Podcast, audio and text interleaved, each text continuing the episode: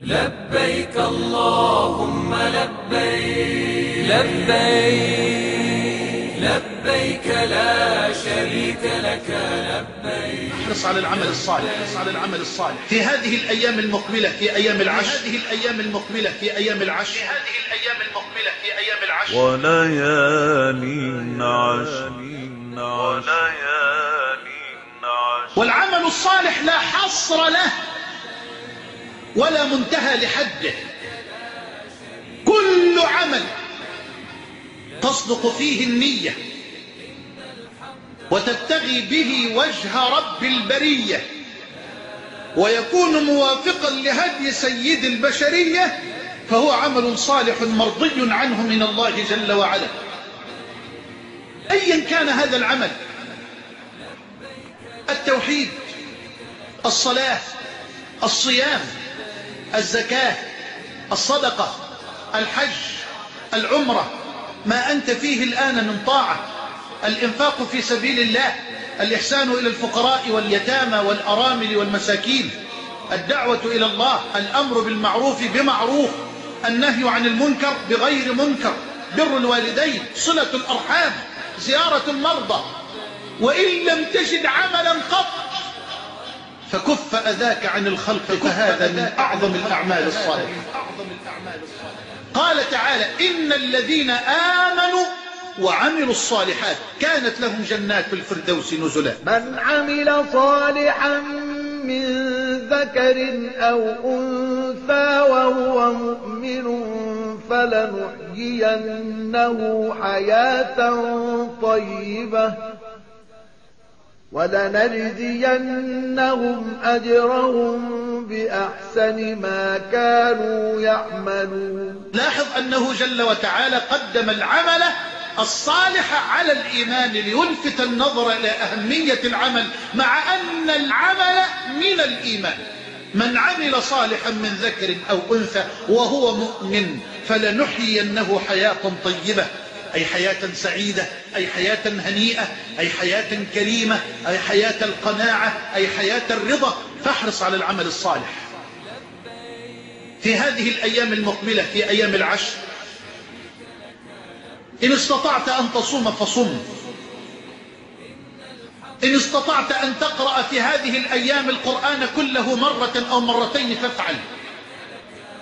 إن استطعت أن تصل رحما أو أن تنفق على فقير أو مسكين فافعل. فاستبقوا الخيرات. واعلم بأن العمل الصالح سبب لنور القلب ومحو أثر الدم.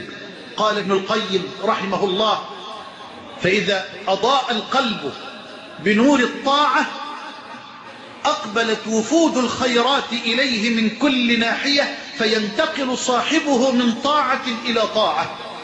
وإذا أظلم القلب بظلام المعصية أقبلت سحائب البلاء والشر إليه من كل ناحية فينتقل صاحبه من معصية إلى معصية ويصبح كالأعمى الذي يتخبط في حنادس الظلام. ومن أعرض عن ذكري فإن له معيشة ضنكا ونحشره يوم القيامة أعمى.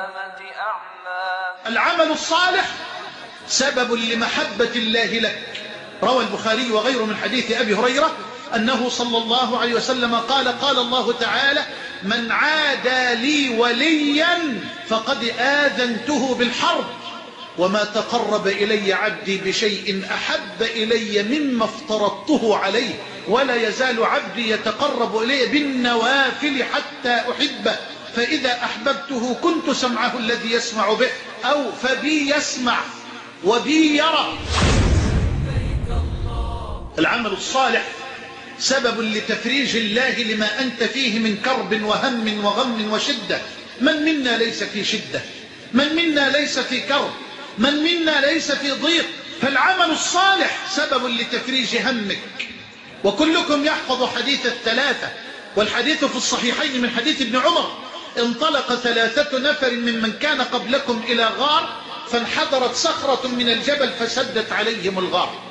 فقالوا إنه لينجيكم من هذه الصخرة إلا أن تدعوا الله بصالح أعمالكم. بصالح أعمالكم. فدعا الله الأول ببره بوالديه ودعا الثاني ربه بتعففه عن الزنا ودعا الثالث ربه بأمانته واستثماره لأجر الأجير.